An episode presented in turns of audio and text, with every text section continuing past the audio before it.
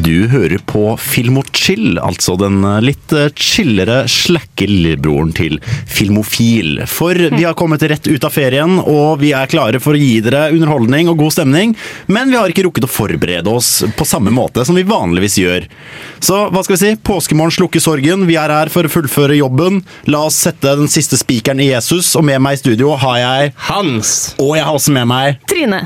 vi skal nok klare å fylle to timer med særdeles god filmrelatert stemning. Men før det skal vi få Looker av bandet som best kanskje bare kan uttales som Mutbrd, eller Mountain Bird.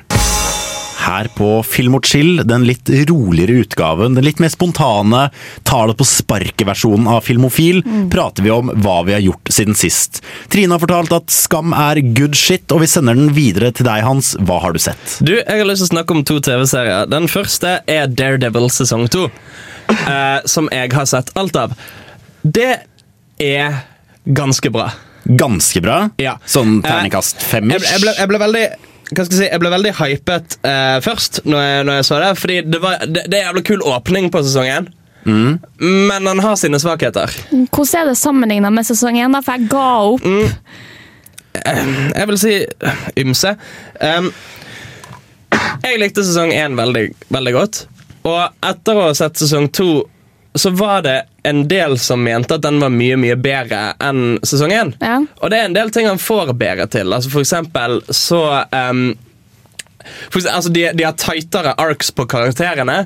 Um, det er det, det er bedre forhold mellom den etterforskningen som Foggy og Karen gjør, samtidig som Daredevil er ute og banker bad guys, istedenfor at du får den følelsen av at nå gjør Carrie og Foggy ting vi allerede vet. De oppklarer mysterier vi allerede vet svaret på. Hva er vitsen med dette? Um, problemet er at det som gjorde sesong én, var skurken Wilson Fisk. Og de har ikke noen bra skurk i sesong to. Det er på en måte Det er litt sånn ved karrieren sånn Å, er det han som er skurk? Nei, nei, han var ikke skurk likevel. Å, er det hun som er skurk? Nei, det var det ikke. Fordi, hva skal jeg si, Helten er aldri bedre enn skurken.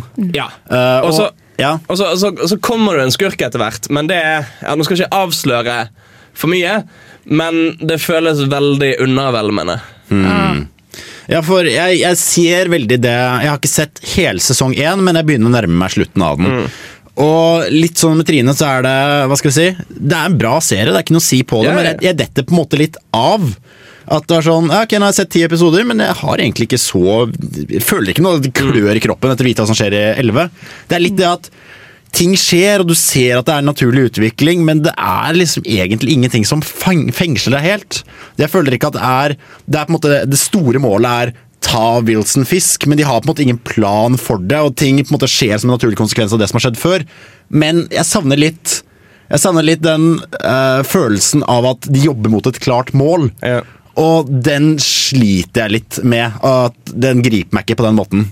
Um, og der datt jeg helt ut. Jo, jo, jo, jo. Det sesong to derimot gjør veldig, veldig, veldig bra, er The Punisher. The Punisher. Som da er spilt av han der fyren fra sesong én av The Walking Dead. Han som spiller Shane. Han spiller Shane, og han er den perfekte Altså, det ser Det funker så jævlig, jævlig bra. Uh, The Punisher han er litt sånn hva skal vi si, antihelt. Ja, uh, Veldig det motsatte av Daredevil. Han går ut med skytevåpen og plaffer ned skurkene. Ja, For her, er dette en helt som dreper. Ja, Han dreper Han er eks-soldat og har et enormt våpenarsenal og går ut og dreper skurker. Så Sånn sett er han litt mo- motsatte av Daredevil, hvor Daredevil har veldig sånn eh, moralsk greie med at du skal ikke drepe noen, de skal i fengsel og sånne ting. Ha.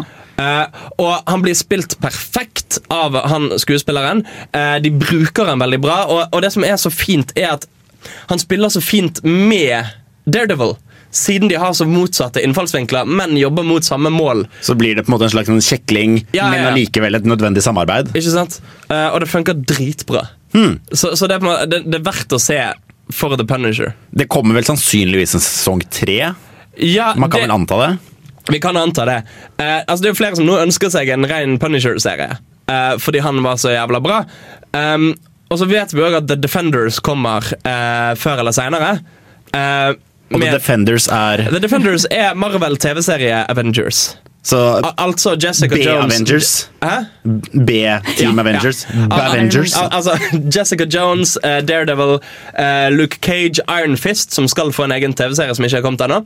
Eh, og da kanskje The Punisher kommer til å være involvert. Man kommer til å være med på laget, vet jeg ikke helt, men han kommer sikkert til å være inne i bildet. Skal vi se en liten faktaopplysning? Han som, han som spiller The Punisher, heter John Bernthal. Det er det, vet du. Og hva skal jeg si, Han høres litt ut som en type jeg kan digge, fordi det jeg sliter litt grann med i Daredevil, er at det er veldig ofte bare tilfeldigheter som sørger for at skurkene ikke dauer. Han banker opp henchmen, så pælmer dem fra tak, og der tilfeldigvis lå det liksom 14 myke søppelsekker som han kunne lande på og havne i koma. Som Greit nok, fyren havner på sykehus og blir liksom spent fast i senga, men jeg savner nesten det at Daredevil Du kan ikke bare banke opp ti folk med et jernrør og sørge for Og så bare Så, går, så klarer alle seg uten liksom eh, store traumer. Jeg, vil, jeg savner litt den nå er det meg da som foretrekker ekstremt sånn dystre serier hvor alle dør av heroinoverdoser og Oi, blør i hjel og sånn. Men jeg savner litt den at man får se faktisk skadene og konsekvensene av å banke opp folk regelrett og pælme dem ned tak og sånne ting. Fordi det blir en litt sånn glorifisering av å banke opp folk, som det veldig gjerne er i sånne superheltfilmer, uten at du ser konsekvensene i andre enden. Ja. Um, Den andre serien du den andre serien jeg skulle snakke om, Paradise Hotel. Å, gud! Ja! ja!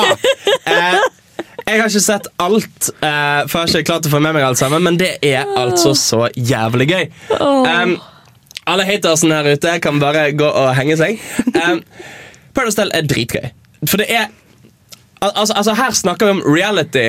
Som i så enormt stor grad vet akkurat hva det er, og akkurat hva de skal gjøre, og akkurat hvem publikummet sitt er. Um, for det er jo en del som er kritiske til reality, sant? og driver og snakker om hvor um, konstruert og regissert det er. Og hva slags forbilder setter de for barna våre? Ikke sant? ikke sant? Åh. og, og du har all, alle mulige sånne her eh, som sånn, dette er teknikkene de bruker. Når noen sier det, så klipper de til et uh, ansiktsuttrykk som kanskje ikke var i samme rommet engang. I Paradise Hotel så er det bare omfavnet det. Ja. Du skjønner når du ser på at dette er klippet i hjel. Men det blir så bra, for de klarer å skape så bra karakterer ut av det. De klarer alltid å finne på nye måter å få karakterene til å se så dumme ut som overhodet mulig.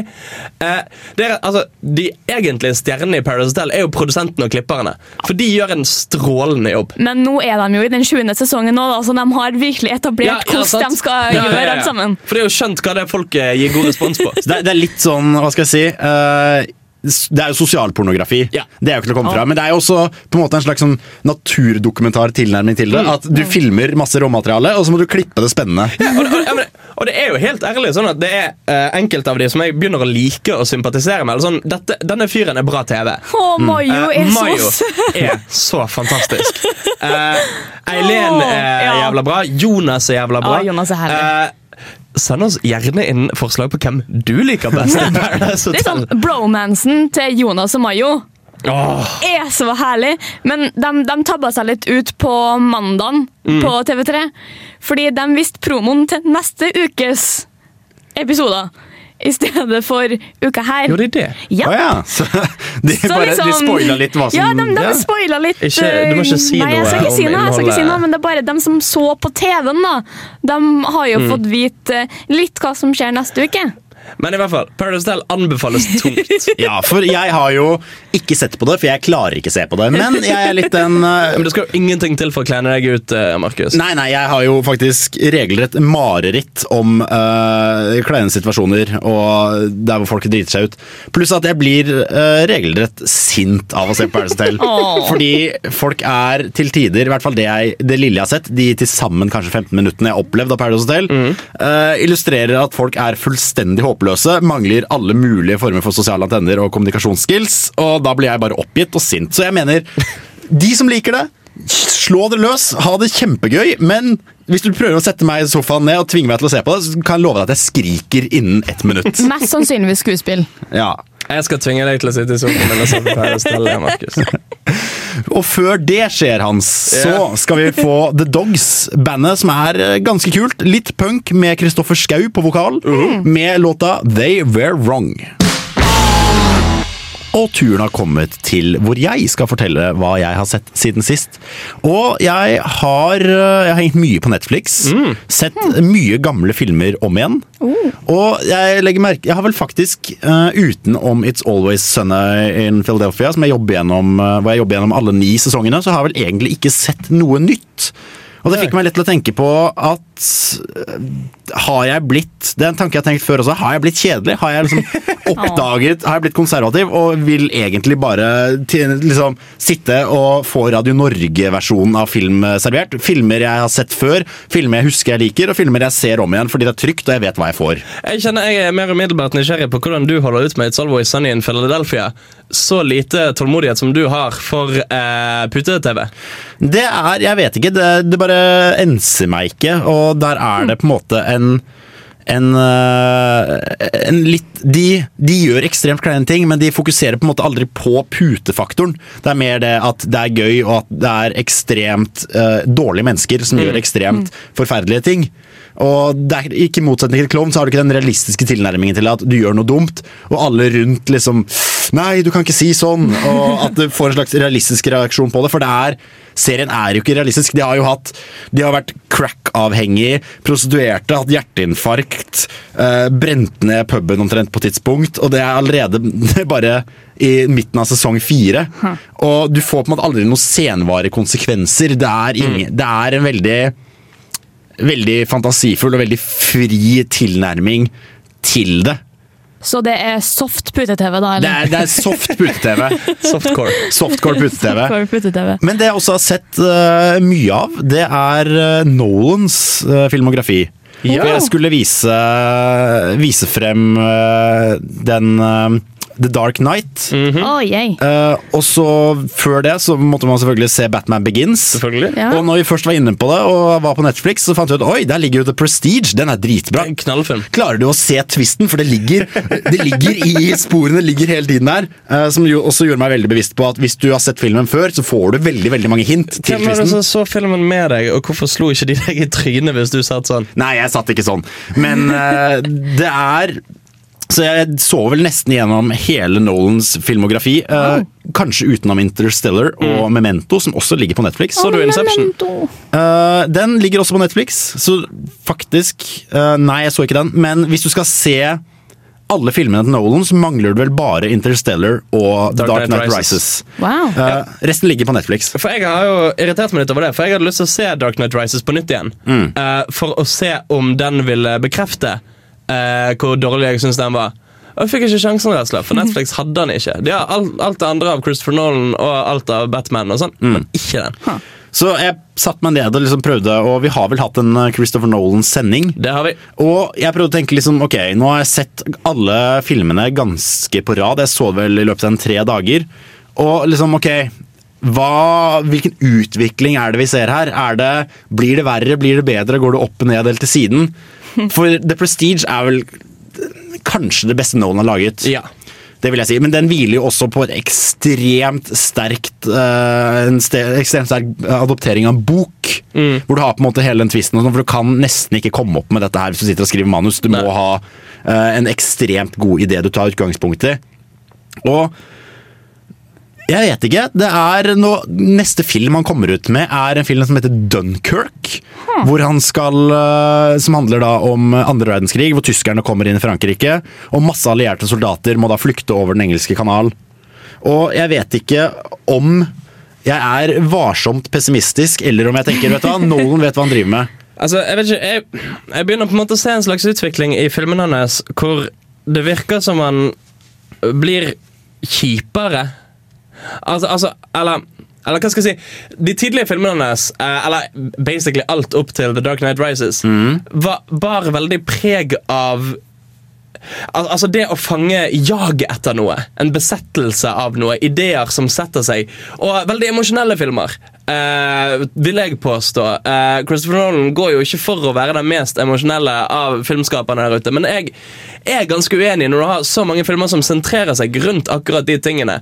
Uh, The Prestige, som handler nettopp om eh, han som mister forloveden sin, og forholdet til hun nye damen, når hun begynner å ane hva som foregår, uten at jeg skal spoile det. Ikke gjør det, har ikke. Nei, okay. Eh, Inception, hvor han Hobbes liksom besettes av denne eh, dårlige samvittigheten for det han gjorde mot sin kone før i tiden, og hvor alt handler om at han bare vil tilbake til ungene sine. Han har denne eh, følelsestunge bunnen i alle filmene sine. Men den syns jeg han har gått vekk fra. Både det emosjonelle i det, men òg eh, de store ideene og, og, og de em, og, og dette jaget mot å utrette noe og mot å fullføre noe. Eksempel Dark Knight Rises, som bare pisser over alt det han gjorde med de to forrige Batman-filmene. Eh, og Interstellar, som til syvende og sist er en jævla tom film. Ja, øh, det er en spektakulær film, og han har veldig mange kule ideer med liksom det skal være minimalt av dataanimering, hvor de bygde hele den mm. romferja de satt inni, og den rista, og de hadde liksom et minimalt av green screens. Men jeg føler at det har gått litt sånn George Lucas-veien. Ja. At han har blitt så stor at han får lov til å gjøre absolutt hva han vil. Eh, for eh, han hadde liksom The Dark Knight eh, The Dark Knight eh, Ikke The Dark Knight Rises, men Batman Begins. Ja. Hvor du har sånn Ok, vet du hva, du får, eh, du får lage en Batman-film. Det er ganske tidlig av dette superheltrushet. Ikke fucked up, fordi vi har ikke etablert at superhelter er en god greie ennå. Det var 2005. Det er altså før, før Iron Man. Det var vel rett etter uh, Spiderman 2. Ja, etter Spiderman 2, før Iron Man, midt mellom der. Så det var Hele Marvel-bølgen hadde ikke kommet ennå. Så du har liksom sånn, ok, vet du hva? Her har du, du Du får lov til å prøve deg på The Batman Begins. Ikke fucked opp. Eh, For dette, dette er ikke en garantert uh, kassasuksess. Så kom, eh, så kom The Dark Knight uh, etterpå, og det er liksom sånn Ok, vet du hva, nå, nå er det Du gjorde det bra, nå har du mye å leve opp til. Og nå begynner hele den der Marvel-greia å rulle. Så kommer han og slår det fullstendig ut av parken. Ja, ja. ja. Og folk er sånn Ok, vet du hva? Du, du, greit, du, du, vet, du vet akkurat hva du gjør! Her nå får du lage The Dark Night Rises på akkurat hvordan måten du vil. her, her er alle pengene. Her er alle pengene i verden. uh, her er alle skuespillerne i verden. Du får fullstendig frie tøyler. Vi stoler på deg. Og så pff, Vi har til og med funnet Tom Hardy til deg. Han klarer Wow. ikke du å fucke opp. Han skal også spille i Dunkirk, forresten. Hei.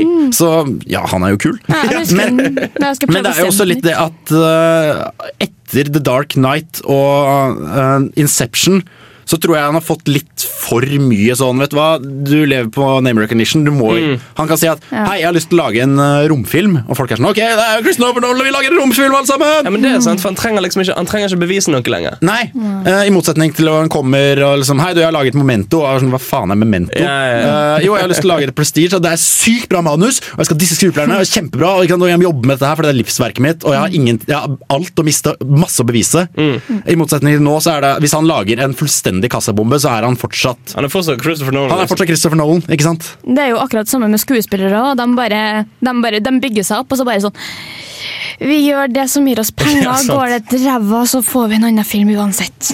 Ta Johnny Depp-veien. Ja. For uh, ja, vet du hva, det er faktisk en ting jeg har lyst til å snakke mer om. Men uh, før det skal vi høre Acres Wild med låta Line of Sight. Vi skal prate litt om eh, når folk kommer til det punktet at de kan begynne å hvile seg på laurbærene. Både til regissører og også til skuespillere. Og hvem er det som er de nye oppadkommende? Her på Film og Chill. Jeg nevnte jo før låta her Johnny Depp. Ja. Som faktisk sa i et intervju for noen år siden at vet du hva, nå har jeg fått kids. eh, Jeg tenker å ta litt lette filmer og tjene litt penger og tilbringe mer tid med familien. Hvor det var sagt på en litt spøkefull måte, og folk tenkte liksom sånn ja, ok, gøy, lol. Men det er jo egentlig akkurat det som har skjedd. Fyren har jo eh, nesten pensjonert seg. Han har gått litt i en sånn De Niro-tilværelse. Hvor De Niro var en ekstremt hardtarbeidende skuespiller, spilte i The Raging Bull, gå opp og ned i vekt. Eh, og spiller kjempetøffe og krevende roller. Og nå egentlig har sagt vet du hva, jeg er gammel, nå vil jeg spille litt sånn lettbeinte komedier hvor jeg kan møte opp eh, og spise fruktfat på settet.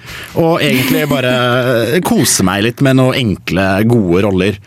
Og hvilke skuespillere vil dere si er det som har tatt den veien? Det er jo, det er jo mange som har Som på en måte holder koken. Eh, ja. Altså, det er jo mange av den, denne eldre garden der. Um, altså, Som du sa, De Niro, Al Pacino. ja, ikke sant? eh, Han siste. det vet jeg ikke. Jeg kommer ikke på i parten Nei. hvem jeg tenkte på. Men i hvert fall, Dustin Hoffman? Dustin Hoffman. Hey! Eh, som, Nice. eh, som bare begynner å ha litt denne Fuck it, jeg spiller noe enkelt noe. Mm. Um, Jeg er, jeg, er, jeg er litt redd for, kanskje, at en som kommer til å ende opp sånn, er Jennifer Lawrence. Ja, Ja. for jeg hadde Vi drev jo satt og tenkte på up and coming skuespillere. Og jeg har litt lyst til å nevne Jennifer Lawrence, men på den annen side så har hun på en måte, Hun har vært up and coming så lenge nå at hun liksom hun, hun står og skyter Ja. oppover på samme sted. Jeg, jeg, jeg, jeg vil jo si at hun er på en måte Hun har kommet. Ja. Eh, I aller høyeste grad. eh, med Hunger Games og alt det der. Mm. Men utover det så har hun liksom ikke spilt i så mye bra. Nei, men hun har jo også spilt i noen filmer som ikke nødvendigvis gir henne rommet til det. Nei. Eh, Nei. Den, eh, hva heter den, The Silver Linings Playbook, som er en sånn Ja, ok. Som hun vant Oscar for. Ja, Vant hun Oscar for den? Ja. Hun snubla jo opp trappa, stakkar. Stemmer. Men det er jo egentlig ikke en veldig Det er jo begge den, den filmen og også den Joy som kom nå. Jeg har ikke sett Joy, men begge slår meg litt som sånn, sånn 80 %-filmer. Så Ja, ja, ja. ja, det, det, er, det er kult, det er ok, det er Den, den andre filmen med Bradley Cooper og Um, kompani. American Hustler. Ja, Ja, som var Hustle. noe godt piss. Ja. Uh, og hva heter han, sku- han regissøren? Nei, det kan vi finne ut av senere. Men han har i hvert fall laget mye sånn middelmådig, men allikevel som går rett hjem hos nesten gode filmer. Så nesten gode filmer som går rett hjem hos eh, Academy eh, Awards. En skuespiller jeg er jævla giret på for tiden, men som jeg ser for meg kan bli en ny Johnny Depp, Mm. er jo um, Oscar Isaac. Ja. For han spiller veldig mye kult nå. Ja. Eh, han har spilt i Star Wars, spilt i Ex Machina, eh, Inside Llewellyn Davis. Han gjør fortsatt mye forskjellig ennå. Ja, ja. Ja. Han skal faktisk spille nå i, eh, i eh, samme regissøren Hysj, hysj, hysj! Det kommer senere. Hysj! okay, okay. ok. Det, det kommer nyheter. Det kommer nyheter. Men jeg, jeg vil også gi en liten stjerne i boka til skuespillere som virkelig holder koken. Eh, framst i eh, hva skal jeg si, framst i troppen der vil jeg fremheve Tom Cruise. Ja! Ja. Eh, fordi han han har holdt på siden 80-tallet. Liksom. Han, er, han gjør fortsatt helt syke ting. Han henger på utsiden av fly Jo, jo, og han- spiller 100% Han må jo være arbeidsnarkoman i det her. Eh, for alt handler om sånne ting. At han skal kaste seg utfor ting og holde fast i ting for harde livet og sånn. Altså Både Mission Impossible-filmene, eh, Oblivion eh, Kill Die Repeat-filmen, hva heter den? Edge of Tomorrow. Ja. Uh, hele, hele den gjengen der, Det er liksom full pupp. Og han er hva da, godt opp i 50-årene et sted. ja, noe sånt nå. Og Ja. fyren ser jo ikke ut som en dag over 40. Nei, nei, nei. Og han jobber, han jobber hardt. Uh, jeg, vil, jeg, vil, jeg vil trekke frem en skuespiller som er ganske ung. Ja. Uh, Jacob Tremblay.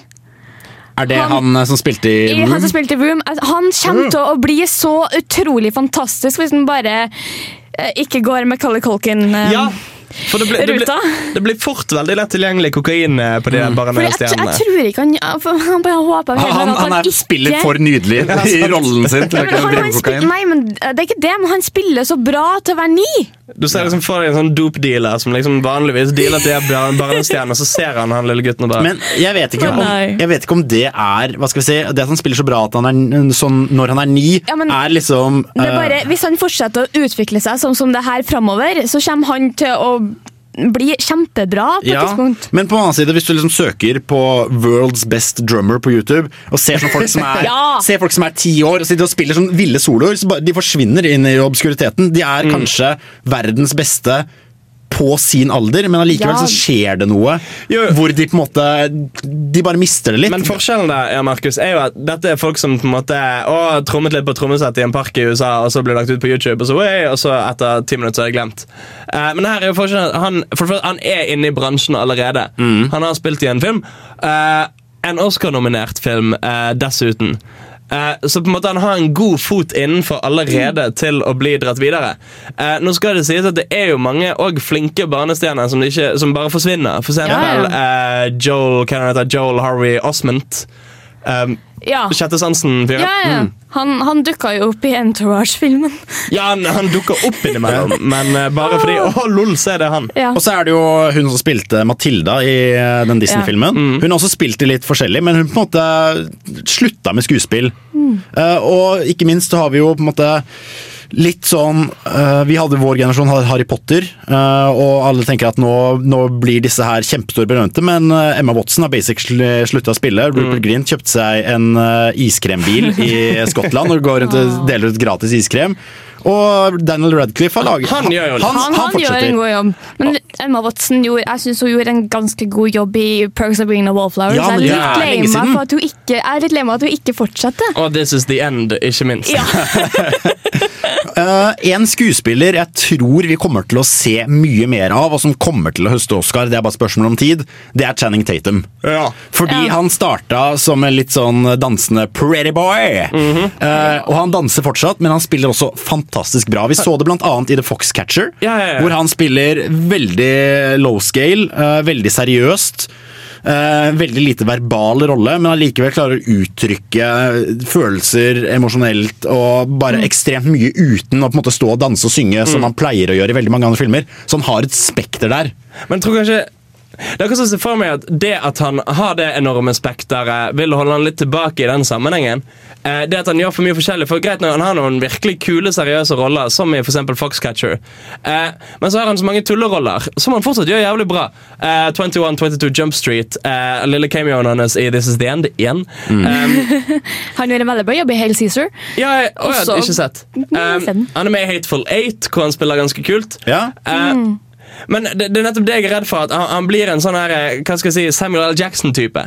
Eh, som er med i masse masse kult, men det blir på en måte spredd for utover. Og det er mer det at han gjør det som virker kult og gøy der og da, enn at han noensinne kommer til å bli den eh, jeg, ser meg, jeg ser ikke for meg at Channing Tatum kommer til å bli han der fyren eh, som spilte Stephen Hawking. Men eh, forskjellen på han og Samuel L. Jackson er at Samuel L. Jackson spiller stort sett samme fyren i hver eneste film, mens Channing Tatum har veldig bredt spekter. Jeg kan heller kanskje gå med på at han blir en slags tynn John Goodman.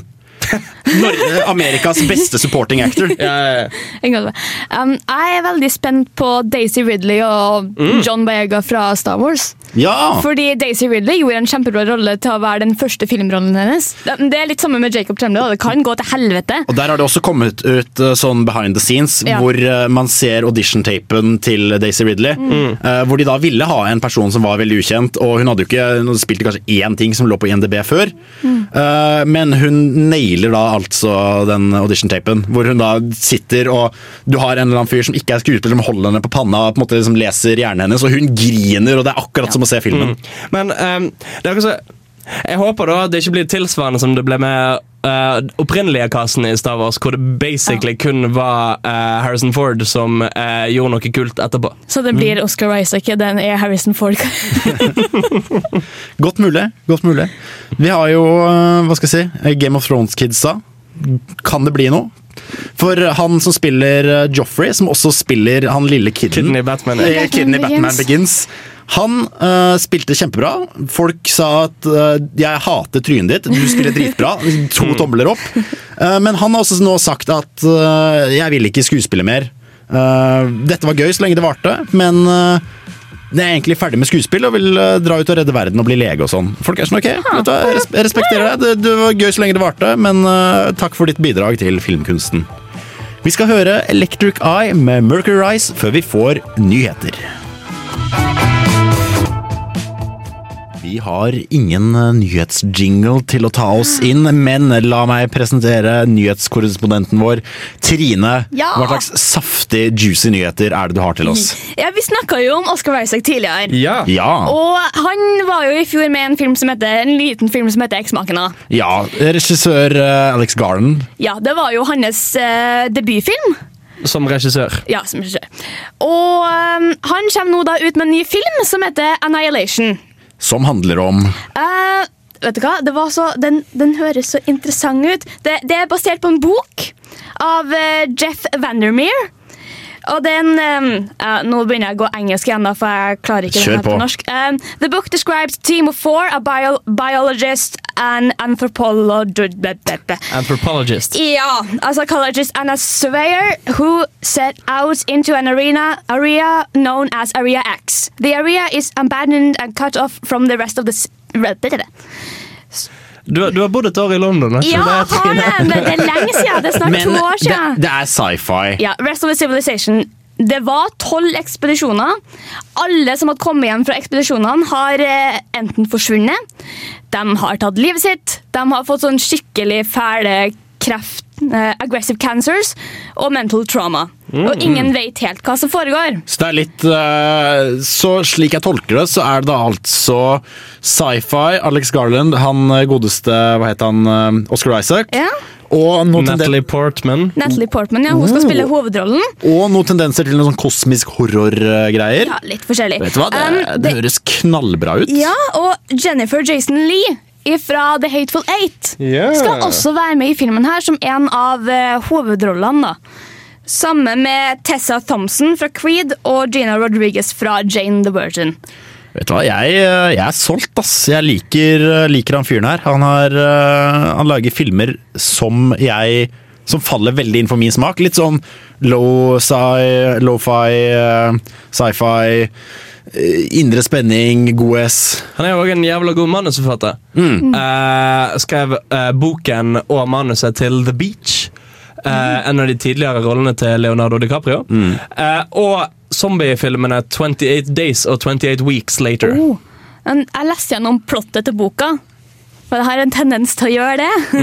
Men liksom hele feelingen er veldig mystisk. Og det er litt Det har litt samme stemninga som Eksmakene har, der du ikke er helt sikker på hva som foregår. Yeah. Ja, for eksmakena mente jo jeg at jeg skulle klare å spå, for dette her var fullstendig åpenbart. Man ser jo i traileren hva som skjer. vi to satt jo og lo når vi så traileren. Ja, fordi dette her er jo helt fucking obvious uh, at det og det kommer til å skje. Man ser jo det i traileren, og så ble vi rundlurt. Ja.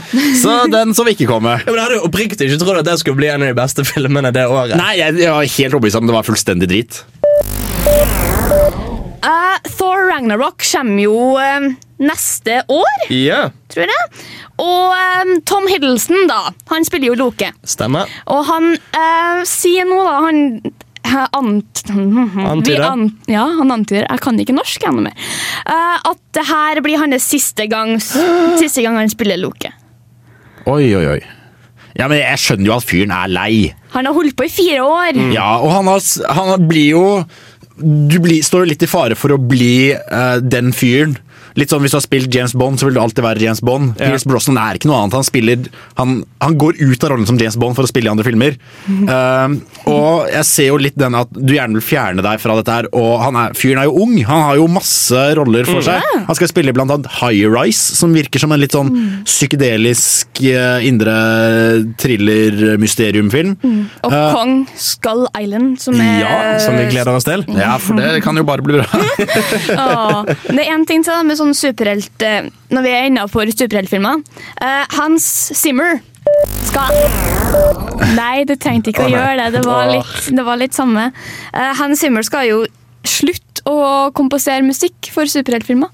Ja, Han skal, han skal slutte, han vil ikke gjøre det noe mer. Jeg skjønner. Det er jo Vi går jo egentlig alle sammen og venter på når bobla sprekker og superheltfilmer ikke selger lenger.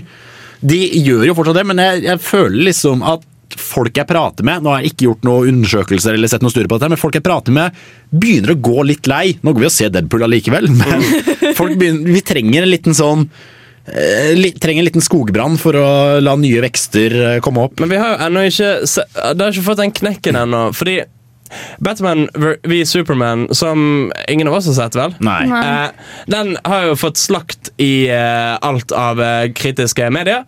Ja. Men er den superheltfilmen som har hatt størst internasjonal åpningshelg eh, box office noensinne. Eh, og den fjerde på fjerdeplass totalt av alle filmer. Oi. Wow. Eh, tjente sånn 400 mill. eller et eller annet sånn åpningshelgen. Men føler du ikke at de brenner broene litt? Grann? At folk er sånn Å, det er Batman vs. Superman! Og så løper de og ser den, og så er det sånn eh. Og neste gang det kommer en sånn film, så tenker de eh, ok, Batman vs. Superman var ikke så bra. Gidder ikke. Fordi plebsa gir, eh, er mye mer glad i den filmen enn kritikerne har vært. Eh, for for det, det er jo nesten en nyhet i seg sjøl, si, men Batman v Superman har jo nå en lavere score på Rotten Tomatoes og Metakritikk enn Paul Blart Mallcop har. um, oh. men, men, men, men når de har liksom uh, testet på uh, publikum, hva de Ja. syns, så har han jo generelt ligget på uh, terningkast fem nå. men det er jo det, skuespillerne har jo sagt at det er ikke en film til kritikerne, det er en film til fansen. Det er en hva skal vi si, det er en pulp-film med 200 millioner i budsjett. Ja. Jeg tror fortsatt ikke jeg kommer til å like den. Men, men. Nei, nei. Eh, Jonah Hill Ja! han skal nå eh, stille seg bak kamera og lage en film Oi! Skal han regissere? Ja, han skal regissere film. Så gøy! Han skal regissere en film som heter Mid-90s. Mid-90s, som Ja, er det sånn er, Only det er, da, 90s det er da will. coming of age-film. Mm. Der vi følger en gutt i LA eh, rundt midten av 90-tallet. Med skatervennene hans. Men er det på tide? Uh, for ja, nå er jo, altså 60-tallet, 70-tallet og 80-tallet har jo blitt eh, mettet med oppvekstfilmer. Ja, ja, ja. Så det er på tide at vi beveger oss framover. Er liksom at Han uh, filmer noen som løper rundt og skater, tagger, har capsen bak fram, løper ut med Walkman og ser på, og ser på Ja, nettopp. Drikker Sunny D. Og eh, Jonah Hill skal da få hjelp av produsenter som Scott Rudin og Eli Bush. Som vi kjenner fra Eksmakene. Uh. Og de skal også være med å produsere eh, Annihilation. Og de har også eh, Scott Rudin har vært med og produsert No Country for Old Men, Ja. The Social Network, ok. The Grand Budapest Hotel. Så nå, nå ser jeg for meg sånn, folk skater rundt og roper 'radical', så kommer noen knivstikker dem. så da, det- det bare tar en um, sving til det virkelig mørke. Studio A24 har også blitt um, knytta til prosjektet. Og de har jo kommet med Spring Breakers og den nye skrekkfilmen The Witch. Ja! Og de har jo kommet med Spring Breakers og den nye skrekkfilmen The Witch. Ja! Har du mer nyheter til oss, Trine? Ja, det har jeg. For da skal du få, få si det etter at vi har hørt OK Kea med låta 'Durer'. Så stille du sitter Vi fortsetter å prate om nyheter her i denne Film og chill-sendingen, hvor vi da bruker litt ekstra tid mellom låtene, gjerne 10-11 minutter på å prate. Fort gjort. Fort gjort. Litt mer sånn podkastlengde på dette her. Men Trine, Ja? du sa du hadde mer nyheter til oss. Ja. Fyr løs. Um, jeg har litt om Deadpool. Ja. Fordi Deadpool har nå blitt den highest grossing um, rated R-filmen i verden. Ja, for den passerte The Matrix. Ja, eh, Matrix Reloaded. Reloaded. ja. Ja. Og det er ganske vilt. Ja, den har liksom fått inn 745 000 745,9 Millioner. millioner. Som betyr at den har hatt en ti ganger return på investeringen. Wow. Eh, Med et budsjett på 70 millioner, som er hva skal jeg si, det er 100 millioner mindre enn f.eks. Iron Man. Så den har klart eh, veldig mye med veldig lite. Og vi driver jo og diskuterer at kommer superheltbobla til å sprekke snart? Tydeligvis ikke. I hvert fall, Nei, men I hvert fall ikke hvis vi skal se på pengene. Hvis de fortsetter med liksom, litt sånn Deadpool Hvis de fortsetter å um, Gjenoppfinne seg selv. Takk! ja. Ja, for, for, for det, altså, du har på en måte en kombinasjon mellom det at eh, altså, Sony driver og gjør litt sånn nye ting og eksperimenterer litt hele tiden. Ja. Eh, lager ting som Deadpool, eh, X-Men-filmene, eh, Spiderman-filmene. Eh, og DC uh, og Warner uh, Bros spiller veldig på navngjenkjennelse. Det, er- det er Batman og Supermann! Dere Ja. må se dette! Uh, og Marvel er på en måte har blitt, fått, fått en så uh, sterk greie gående at du forventer egentlig at dette blir Det bra samme, de hadde jo Guardians of the Galaxy var det jo ingen som trodde skulle bli så bra. Ant-Man var det ingen. Det, bare sånn, det, det handler om en, en dude som kan gjøre seg om til en bitte liten person. Ja, ja, ja. Hvordan i all verden kan det her bli bra? Det var litt det samme. Som bare sånn, Men i Deadpool så tok de da endelig å hva skal jeg si, eh, kunne vise folk som pulte og folk som døde. Eh, Spesielt liksom, øyeblikket der hvor jeg innså at ok, jeg kommer til å digge den filmen her, er hvor ganske tidlig i filmen en fyr blir kastet ut av en bil og treffer et trafikkskilt så han eksploderer som en flue på frontruta. Og sånn, senere dette av. og senere detter av. Jeg tenkte ok, greit, greit. Og det at han klarer å gjøre den tøysete volden så gøy eh, Jeg bare så den, bror, eh, den filmen med min eh, ti år gamle lillebror. Han koste seg jo så glugg i hjel. Satt der og skrattlo. Det var dødsgøy. Og nyheten er vel at det kommer en toer. Ja, det, den har jeg tatt før. Ja, og den tjente alle pengene. Ja, kommer til å tjene alle pengene, den også. Eh, vi fortsetter litt på Rated R. Ja. Fordi um, Batman v Supermann skal komme ut med en ny versjon etter hvert, med når de slipper DVD og Blu-ray og etc. Den skal bli en halvtime lenger og R-rated. Nettopp. Ja d- Har du sett Batman vs. Superman? Nei, jeg, jeg prøver Jeg prøver så godt det lar seg gjøre å tilbakeholde all eh, dom før jeg har sett den. Men det virker jo ikke som han er så Men veldig kanskje, kanskje eh, den rated R og den ene halvtimen er puslespillbiten som mangler. Ja. Kanskje Ja, det er det som gjør at filmen plutselig bare tar et helt nytt nivå og går fra 33 eller noe på Rotten Tomatoes til sånn 93. Det er jo, det, det jeg har hørt om, at den er rotete. det blir plutselig mange karakterer. De, de, de knytter det sånn veldig opp til Justice League plutselig. Mm. Jeg, jeg, jeg har spoila litt for meg sjøl, men det, det driter jeg egentlig i. Ja, hvorfor skal vi ha en halvtime lenger? For den, den varer jo i to og en halv time, tror jeg. Ja, virker lang nok i Så det blir, liksom, det blir tre timer. Det Mm. går liksom greit når det er Ringenes herre, men når det er Batman v Superman som har fått litt sånn yeah. da, kanskje, kanskje jeg skal vente til den kommer, og så se R-rated rett på. Og så heller eh, med den friskt i minnet prøve å se den vanlige versjonen, og så faktisk gi en dom da, om noen måneder. En gang i sommer. Vi får se. Eh, Vi har fått litt mer ting om eh, Kingsman 2. Ja! Vi har fått en tittel. Få høre. Kingsman 2. Er, nei, det er Kingsman The Golden Circle. Det høres ut som sånn det, det høres ut som sånn glory hole på Gentleman's Club. Der, ass. The Golden Circle. Åh, det gjør litt. Er det, Altså, er det liksom med den eh, svenske prinsessa som står og liksom bøyer seg litt sensuelt på coveret, og så er liksom O-en i The Golden Circle uh, akkurat på rumpa hennes? nei, jeg tror ikke det. Vi har, fått, vi har også fått litt mer um, informasjon om plottet og hva som kommer til å skje på starten av filmen. Ja. Um, jeg vet ikke, Hvis du ikke har lyst til å vite hva som skjer på starten av filmen Hold for ørene. Ja, hold Henrik, for ørene. hold for ørene. um, Det er snakk om at de um, stasjon, Der Kingsman befinner seg, kommer til å bli Kommer til å eksplodere. Okay. Som i Skyfall. nettopp. Spoilers. Ish. Så da skal Eggsy og Merlin dra til USA. Til liksom eh, den amerikanske versjonen av Kingsman, som da heter Statesman. som styres av Halle Berry sin karakter. Kult.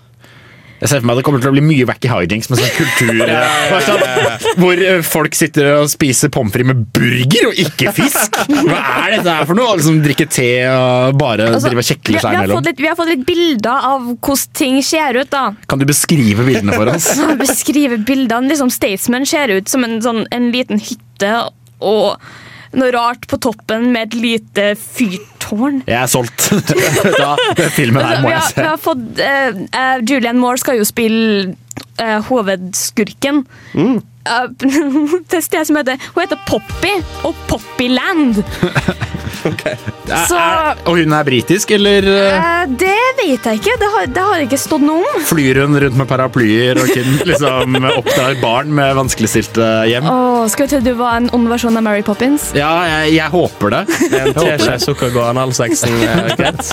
Rett i the golden circle. Å, gode gud, nei.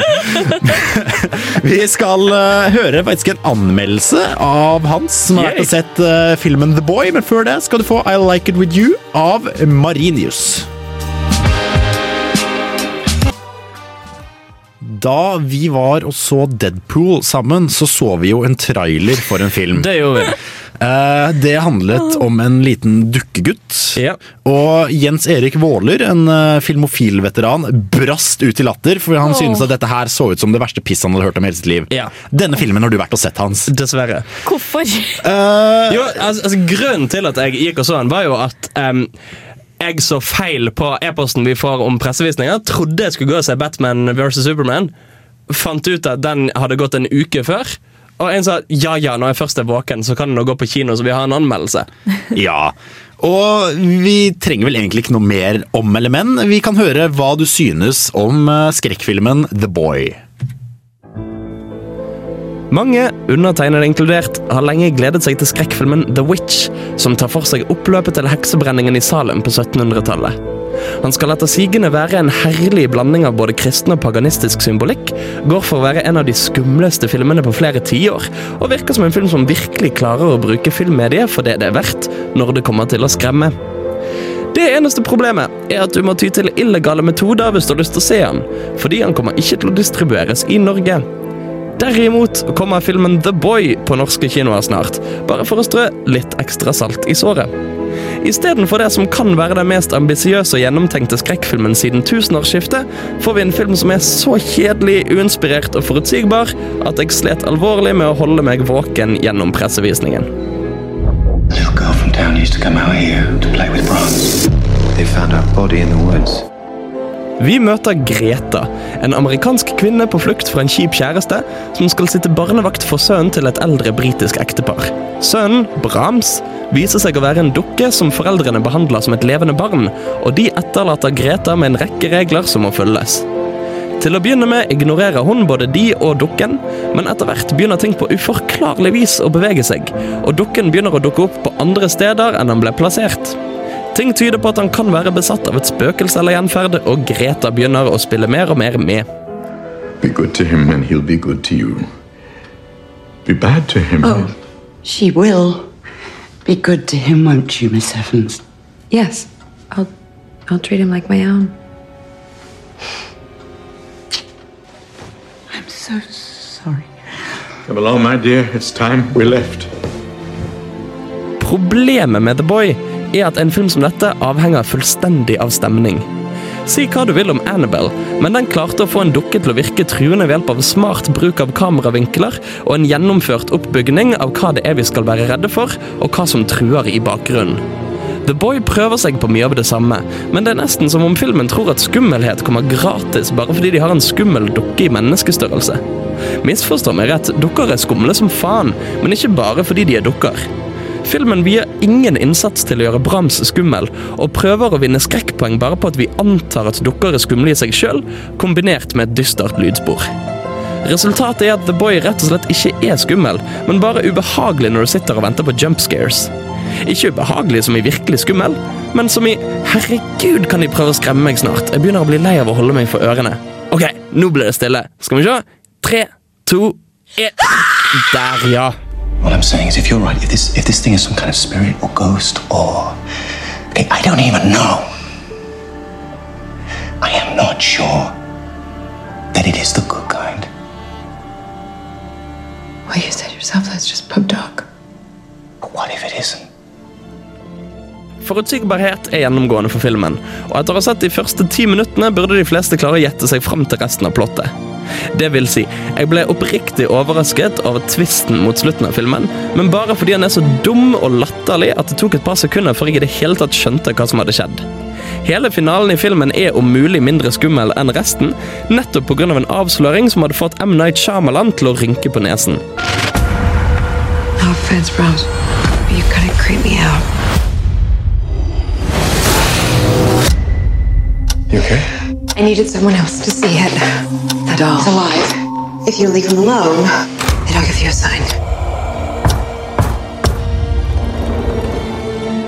Jeg virker kanskje overdrevent negativ, og The Boy er vel kanskje en helt midt på treet-film. Men hele poenget er at filmer som den klemmer ut virkelig lovende prosjekter som nettopp The Witch.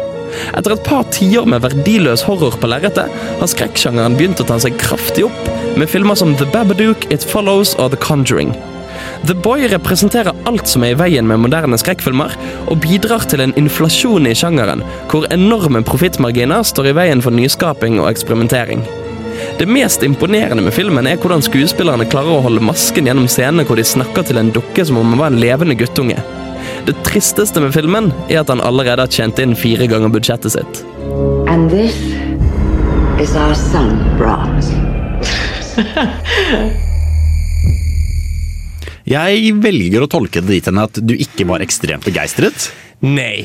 Og at uh, Jens Eriks brølende latter i kinosalen var rettferdiggjort. Ja, det, det er bare teit og dumt og kjipt. Altså Det, det, som, er, det som er irriterende, er at det, det virker som Jeg, sier jo det i anmeldelsen òg, men, men er kanskje de antar at bare fordi at det fins dukkeskrekkfilmer fra før, så holder det å ha en dukke, og så blir alle livredde bare av det. Ja, for eh, du sier jo at denne filmen her allerede har tjent inn budsjettet sitt. Og det er jo, som vi har nevnt litt før denne- Tre ganger. Ja. Hadde ti, Tre ti- ganger? hadde ti millioner budsjett, allerede 30 mill. i box office. Nå er jo det Én ting er jo det er jo ikke budsjett i det hele tatt.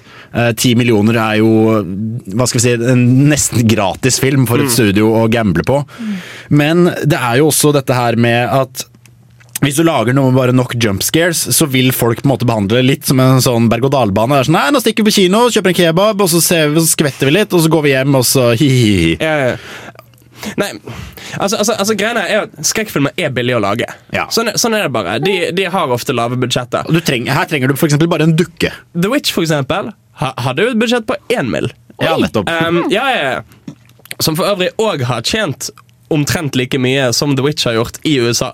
Eh, så han har et enormt enormt større profittmargin, egentlig. Ja. The Men- Witch, sa du? The Witch, ja. Har trent like mye som The The Boy. Boy. Ja, ok, for du sa The Witch. Men på en tiendedel av budsjettet. Ja, nettopp. Um, nei, men, men men det, det er jo det. Nettopp den profittmarginen gjør jo at alle studioene satser på filmer som eh, som de der Paranormal Activity-filmene og sånn Ja. For de er jo ekstremt billige å lage. Du Ja, trenger, ja. trenger bokstavelig talt en sånn camcorder, eh, to ukjente skuespillere sånn. og en eh, 14-åring som kan After Effects. men der har du igjen første, første Paranormal Activity. er jo ikke så ille. Nei, nei, nei. nei, nei, nei. Og så resten er bare mm, mye, av- jeg vet ikke, mye av det jeg sitter igjen med, er jo at jeg tenker at Problemet er jo ikke egentlig at disse filmene er dårlige i seg sjøl. Problemet er at det kun er de filmene som blir lagd og distribuert. Eh, for vi får ikke The Witch i Norge, i Norge eh, overhodet. Og det er piss. For den, den ser bra ut, og, og er den typen skrekkfilm som faktisk klarer å gjøre noe, faktisk klarer å uttrykke noe. For eksempel The Babadook, som vi tre så sammen. Det, er bare, det er jo ikke bare en skrekkfilm. Den er ikke bare skummel. Eh, han gjør veldig mye annet gøy òg. The Boy er helt grønn. Det er kun en skrekkfilm, og det er en lite skummel og kjedelig mest skrekkfilm. generisk liksom, Ja, ja, ja. versjonen av en skrekkfilm du får. Paranormal Activity, Har de noe større budskap om den menneskelige psyken eller samfunnet vi lever ha, i? du føler at du må ha et eller annet i bånd? Det er fullstendig kjedelig å bare ha en skrekkfilm, med mindre det er veldig veldig bra gjort, som i The Conjuring. Ja. For det er i hermetegn bare en skrekkfilm, men den gjør det så bra og er så velsmidd at Fordi jeg hater jo skrekkfilmer. Ja. det vet dere. Og um, The Babadook gjør det Det er ikke det, Det er på en måte eh, Det handler om det, det, er så bra. Det, det handler om depresjon. Ja, Mer og- eller mindre. Og skrekken er bare en sånn Det, det ligger litt i hjørnet. Helt til Jan Markus slår meg i hodet. og jeg hopper i sofaen. Ja, jeg beklager det, men det er jo på en måte Du må ha et slags bakteppe, og gjerne veldig ofte så er jo denne skrekken en metafor for noe. Ja. Her i The Babadook så er det jo en mor som svikter som nettopp mor. Eh, I uh, for eksempel It Follows så er det jo dette liksom sex og puritanske amerikanske synet på sex. liksom If you have sex, you will get aids and you will die. Um, og du må på en måte ha noe å spille på, med mindre som du sier Hans, at du har noe gjør det rett og slett ekstremt bra. Uh, for eksempel John Wick, som vi nevnte helt i starten her. Det er på mange måter bare en actionfilm. Men den gjør actionet så sinnssykt bra at du sitter tilbake og tenker Vet du hva, ok, fett! Dritbra, jeg er med. Du har det, og så har du karakterer som er passe bygd opp til ja. den stilen av film som den hører til. Da i motsetning til Michael Bay-filmer, for eksempel, som på en dårlig måte er bare skrekkfilmer. Bare actionfilmer. Action. Mente jeg. Eh, unntatt Bad Boys 2, oh, som er en ikke, kan, kjempefin film. kan ikke han lage skrekkfilm, da? Michael Bay. ja, Det Michael Bay skrekkfilm. Det er, det er ikke jump scares, det er en jump scare. Det starter med rullete introtiden, så skriker de i to timer, og så slutter det. Kommer til å spille inn 100 ganger sitt eget budsjett. og før vi prater mer og her på Film mot chill, så skal du få høre Death by Unga Bunga, som spiller låta Young Girls. Jeg kom på en person som jeg har lyst til å snakke litt om. Få høre. Jeg har en eh, venn som følger meg gjennom tykt og tynt. Han heter Jesus. Ja. Eh, Og i den eh, anledningen påske så vil jeg gjerne snakke litt om Jesus som karakter i film, og Jesus i filmspråk. Ja. Blant annet, eh, for å relatere det til noe vi snakket om senere, R-rated movies. Ja. En av de høyest grossing filmene som har eh, R-rating. The Passion of the Christ. The Passion of Christ med Willem Defoe i hovedrollen. Hvor han da spiller Jesus. Og det er en historie som har vært gjort gang på gang eh, nå i 2000 år. Ja. Eh, du har en en eh, Hva skal vi si? En eh, Jesus. som, En Jesus. som en, et stykke Jesus, som da dør på korset for eh, menneskenes synd og kommer tilbake. Og Åh.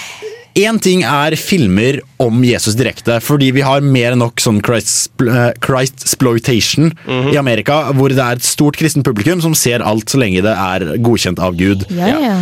Men i film så er også Jesus-figuren gjennomgående. Se eksempel bare på den nyeste Supermann-filmen med Zack Snyder. Han, eh, liksom, han kommer fra, for å redde menneskene, flyr ut i rommet, drar en sånn rolig crucifix-pose før han drar ned til jorda igjen og stopper, eh, stopper alle de onde bad guysene. Robocop, Jesus, hvor han da til og med går på vannet, og regissøren er blodkristen og sagt at ja, ja, dette er en Jesus-metafor. Og ja, det er veldig, veldig mange Gandalf. Gandalf. Det er en ekstremt gjort greie, men jeg vil vel si at det blir liksom ikke gammelt, for det er så mange måter å gjøre det på. Ja. For det er, jo, det er jo litt som en sånn The Chosen One. Ja. Mer eller mindre bare sånn det er en person som har redd menneskeheten fordi han er utvalgt. Og det sitter jo så spikret kulturelt i hele den vestlige verden. Eh, dette med Jesus og Jesus-symbolikk. Uh, og, og, og, og uavhengig nesten av hva slags livssyn eller religion en sjøl har, så har en vært gjerne på uh, julegudstjeneste i forbindelse med skolen eller et eller annet sånt. Uh, Hvorvidt det er greit eller ikke, kan jo diskuteres, men eh, Men, men, men, men en, en har vært utsatt for det. En vet hva Jesus gikk gjennom, en vet hvordan han døde, en vet hvem han er. Så det er på en måte en symbolikk som ligger der veldig klart og er veldig lett å ta i bruk, og folk kommer til å skjønne det. Og så er det jo også noe med dette at det er en veldig, veldig universell og menneskelig ting. At det er noe nobelt i å ofre seg for andre. Ja. La oss si at du vokser opp og aldri har hørt om Jesus. Allikevel, hvis du ser en film hvor en person er sånn sånn Nei, nei, dere andre går, jeg oppholder dem. Og så sprenger han seg selv eller noe. Så har du på en måte det menneskelige og det generelle i det at det å dø for å redde flertallet er på en måte en greie som er en veldig go to måte å gjøre en eh, person heroisk på. Hvis du har vært en drittsekk gjennom hele filmen, og for deg på slutten, så er, kommer rulleteksten, og da er du en good guy. Ja, ja, sant det. Sorry. Ja. For Jesus i film! Jesus i film. God Ja, ja, greie. ja, se Jesus Christ Superstar. Den, å, men den er så dårlig! Jeg vet det, men det. Fordi Altså, full disclosure. Jeg liker musicals. Yeah. Jeg er veldig glad i musikaler. Men det er en del av de gamle filmatiserte utgavene fra særlig 70- og 80-tallet som suger. Ja, ja, Jesus. Christ Superstar. Fy faen! Um, ja, men ok, Done. Jeg har sett klipp fra typ sånn uh, Royal Albert Hall og West End og Broadway og steder hvor uh, musikalskuespillere framfører låter. Og mange av de er så jævlig flinke. Uh, Michael Ball for eksempel, særlig er en fantastisk sanger.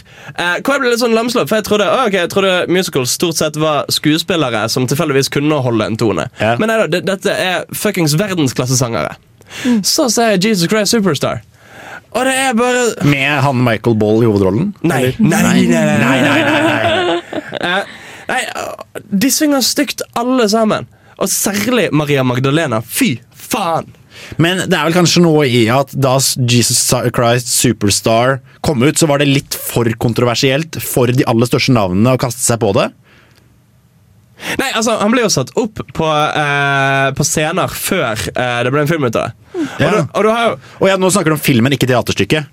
Jeg snakker om filmen, ja. Ja, ok. Ja, nei, jeg har ikke, nei, nei, nei, nei, Jesus Christ Superstar snakker om filmen. Ja. Eh, som suger. Eh, det samme gjelder opprinnelige West Side Story-filmen. Suger. Eh, jævla annoying fuckings Både lydmiks på stemmene til folk og sangstemmene til folk. Det er sånn Jeg har lyst til å grave ut trommehinnene mine med teskjeer uh, når jeg hører det. Okay, ja, ja, ja. Hans, Hans, vi har forstått det. Eh, så fuck Jesus i film. Men det er, jo, det er jo kanskje litt en sånn konsekvens av at f.eks. West Side Story Her har vi en musical som har gjort det kjempebra. Uh, Jesus Christ Superstar, musical som det kjempebra. Vet du hva, Hvis jeg lager en film av det, så går vi på Name Necronation, Recognition, og så kommer folk til å se det uansett. Så Ja, vi, snek, vi snekrer sammen noen lavbudsjettsgreier, og så tjener vi nok penger til å kalle det en suksess. Og fyren som skrev Jesus Christ Superstar, jeg så nylig et intervju med han. Han sa sånn Ja, nei, vi gjorde jo egentlig ikke noe studier på forhånd. Vi bare satt Som oss heter Ikke husker jeg. Andrew Lloyd Webber. Ja, men han sa jo at det var sånn, vi gjorde egentlig ikke noe særlig studier på forhånd. Hadde vi visst at det kom til å bli en så stor greie, hadde vi kanskje gjort ting annerledes. Men det satte oss ned og da skrev vi en greie, og så ble det helt whack. Det tok av. Så vi kan vel egentlig konkludere med at uh, påsken er over. Jesus, Påsken er Jesus har over. foret opp til himmelrik. Og med det så skal vi høre 'Flying On The Ground' av uh, Tellef Råbe. Her på den litt chille utgaven Filmochill. Eller chillmofil. Chillmofil. Her i Chillmofil, eller Filmochill, eller kall det hva du vil, så prater vi stort sett litt om det som faller oss inn, og det vi har på hjertet. Og en ting jeg helt spontant og absolutt ikke har lest opp fra en uh, liten bok jeg har i baklomma, er et tema jeg gjerne har lyst til å prate om. Yeah. Det er radarpar i film. Såkalte folk som bare finner hverandre i industrien, og som ikke gir slipp. Typ uh, Johnny Depp og han uh, Tim Burton. Tim Burton. eh, Helena Boham Carter og, Og Tim, Tim Burton. Ja. Eh, Guillermo del Toro, Ron Perlman. Eller eh, Tarantino og Samuel L. Jackson. Ja, og så har du jo eh, eh, Scorsese og Leo. Ja. Mange kan jo si at hvis ikke, de, hvis ikke de hadde funnet hverandre i filmverden, så er det godt mulig at Leo ikke er der han er i dag. Hva har Leo spilt i annet enn uh, Wolf of Wall Street, som Scorsese har lagd? Um, hva var det for noe, da? Eh, Å, herregud! Men vi har jo også Fordi han det, det eh, er Gangs of New York eller noe sånt. Ja. Med Daniel Day-Lewis. Ja. Og så har vi jo også klassikeren eh, Robert De Niro, som har spilt i sånn alle filmene til Scorsese. Yeah. Mm. Uh, Joe Pesci har spilt i mange av filmene til Scorsese. Og jeg tenker jo på en måte at det er jo en, eh, fordel i det er at du som regissør og filmskaper vet veldig Du begynner å kjenne hestene du har i stallen, og kan liksom tenke litt Ok, denne rollen passer denne personen. Eller at jeg har en rolle som med noen modifikasjoner kan passe denne personen. Yeah. Fordi denne personen vet jeg hva kan, og jeg er trygg på at han, klarer han eller hun klarer å prestere. Så på den andre siden igjen så har du dette at det blir veldig forutsigbart. Du har sett denne personen, f.eks. Samuel L. Jackson og Tarantino. Når Samuel L. Jackson kommer i en Tarantino-film, så vet du ganske nøyaktig hva slags karakter han spiller. Ja. Selv i The Hateful Eight til Pulp Fiction så er han jo Han er jo bare variasjoner av Samuel L. Jackson. Mm. Jeg vil også si at det er mer Tim Burton og Johnny Depp. Du vet hva du får i en Tim Burton-film med Johnny Depp. Ja, for det er- Du får det samme hele tida. Det er jo hva skal vi si, det er jo skrekkeksempelet, vil jeg Ja. nesten si. Du har eh, på den ene siden eh, liksom skuespillere som f.eks. Uh, Gilmet Tore og Ron Perlman, hvor han, han kan spille litt forskjellig. Han har liksom spilt i Drive, han har spilt i Hellboy. Mens Johnny Depp og, og, Tim Burton. og Tim Burton er så forutsigbart og kjedelig at folk er sånn Å nei, enda en! Ja, Og ja, ja. egentlig bare har sett Ja, seg det, blir jo, lei. det blir jo litt sammen med Helena også, da. Men vi får se Ja, hvordan det blir er- er etter, jo- etter de to skilte seg. da. Så vi får um, Er de skilt? Ja, jeg tror det. Har ikke fått med meg. Takk og lov! Vet du hva? For at jeg, tror, jeg har sett forskjellige memes på, på internett der de eh, sammenligner liksom når hun var med Tim Burton og når hun ikke var det. For hun spilte jo i uh, Askepott. Når hun spilte The Fairy Godmother, så bare sånn Her har du Helena i uh, Hva var det det var for noe? Uh, Sweeney Todd. Her er Helena nå! Det endrer seg litt. Mm. Og det er jo Hva skal jeg si? Uh, jeg tror stort sett at det er en god greie. Ja, men altså, Ja. de, de gir jo, det gir jo en skuespiller og en regissør sjansen til å bli kjent sammen. Og, og det at de kommuniserer lettere og altså, venner seg til hvordan de snakker sammen. Eh, for jeg har jo sett en del intervjuer med både regissører og skuespillere om hele regiprosessen. Eh, om alt jeg går gjennom der. Og da er det jo rett og slett en del tilfeller hvor, en, hvor de må venne seg til hvordan de kommuniserer. Altså Både fra skuespilleren side, hvor mye feedback trenger de, eh, hva er arbeidsprosessen deres og alt mulig sånn. Eh, men òg fra regissørens side, nøyaktig hva er det han forventer. Og du har vilt mange forskjellige teknikker fra eh, George Lucas, som angivelig skal ha vært ganske lite til scene akkurat under innspilling, og sånn, til eh, Kubrick, eh, Ja, som pusher skuespillerne sine så ekstremt langt det går. Du har jo radarpar i eh, regi òg. Du har jo Joel, and, Joel og Ethan Cohen. Eh, Phil Lord og Chris Miller.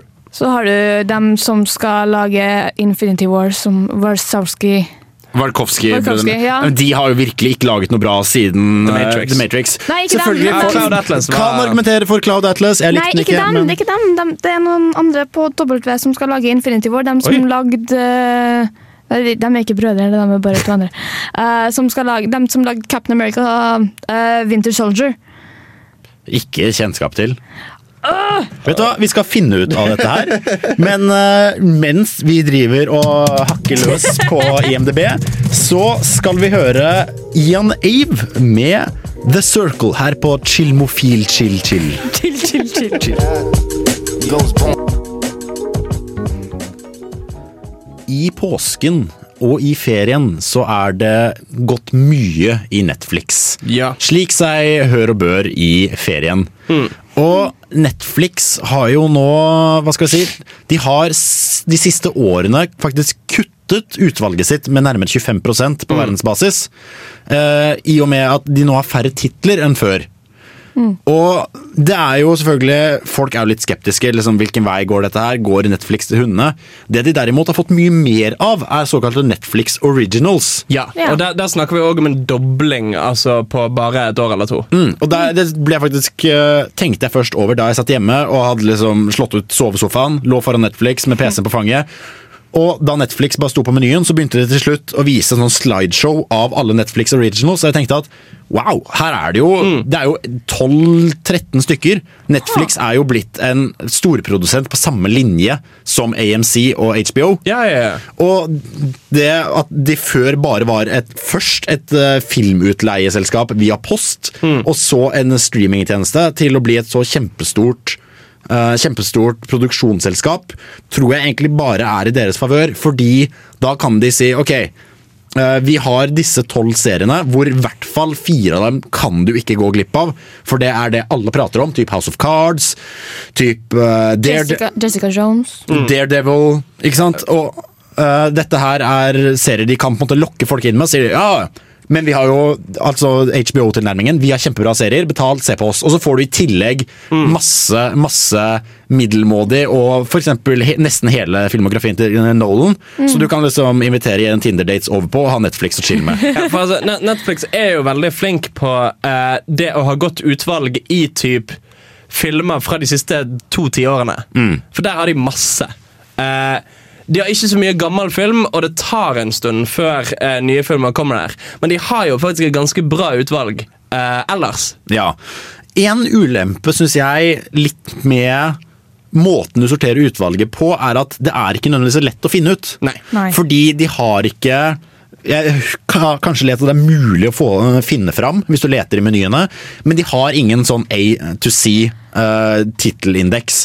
En av grunnene til dette er jo for å kunstig få det til å virke som de har mye flere titler enn de har. Fordi de har liksom sjangere spenningsfilmer, og så har de actionfilmer, og så har de bok, eh, eller filmer basert på bøker, Ja. hvor da mange titler går igjen. Så det ser ut som du har tre rader, når du kanskje har to og en halv. Uh, så det er jo Ulempen med dette her er at du har ganske mange gode filmer, ganske mange sånne perler som du ikke nødvendigvis snubler over hvis ikke du vet hva du skal lete etter. Og for eksempel så prøvde jeg å søke på The Usual Suspects, for den vet jeg er på amerikansk Netflix. Og de anerkjenner at eh, The Usual Suspects er en film, for de kan komme liksom med ok, filmer knyttet til The Usual Ja. Suspects. Så får du veldig mange filmer i litt den samme ånden, litt samme Ja, ja, sjangeren, ja. litt samme tidsperiode. Og da fant jeg jo masse som jeg ikke visste at Netflix hadde engang. Fordi du må bare lete litt på avkroken, og ikke nødvendigvis alle sjangerne som er presentert, så finner du masse. Ja, når det kommer til Netflix igjen, så liksom bare, Du har den amerikanske versjonen av Netflix, du har den britiske versjonen av Netflix, du har den norske versjonen av Netflix. Du har den polske, den Ja, romanske De har jo og det er, jo, det er jo så mye rart som finnes på så mange forskjellige ja, ja. Netflixer, og du har jo litt lyst til å ha alt. Og du, eh, du kan jo ikke gjøre det noe mer, for så vidt. Du kan betale for det. det jeg vet om noen som betaler for å få tilgang til den amerikanske Netflixen. Det er litt sånn det er så, det er så dumt at ikke alt kan bare være på ett sted. Eh, det som er ganske gøy, eh, Jan Markus, med hvordan Netflix finner filmer relatert til eh, den du skulle se, Ja. er at de har jo et knippe hemmelige sjangere. Ja. Eh, og Ja. med et knippe så mener jeg da flere hundre. Og det er så Eh, mange! Det er kjempegøy. Eh, for, det, for det er jo Det fins Mashable her, som er egentlig en drittnettside. Uh, har jo listet opp mange av de med eh, koden som liksom legger seg i URL når du skal finne det. Og der er det veldig snevert og fint gruppert inn. Altså Classic sci-fi and fantasy for eksempel er en. Comic book and superhero movies er en. Crime TV shows, dramas based on books. Foreign action and adventure. Nå bare leser jeg etter hvert som jeg går nedover. Gay and lesbian dramas, independent action and adventure, jazz and easy listening, kids faith and spirit Oi. kids faith and spirituality. Oi! Ja, og så har du også dette med at de spill, lager spillelister basert på karakterene i sine originale serier. For eksempel hvor de hadde eh, sesong eh, fem av Arrested Development Nei, sesong fire av Arrested Development, hvor de da har uh, Tobias Hva heter han? Eh, Eh, Bluth. Tobias Bluth. Nei, Funke. Funke, Tobias Funke. Så er det Tobias Funke recently viewed this, og så er det bare sånn homseporno. Sånn eh, det er Fordi kjempemorsomt. Noe som er morsomt med nettversjonen av Netflix, du kan få noe som heter Superbrowse. Og da du får så ufattelig mange andre kategorier enn dem som står på ja. blad gjennom.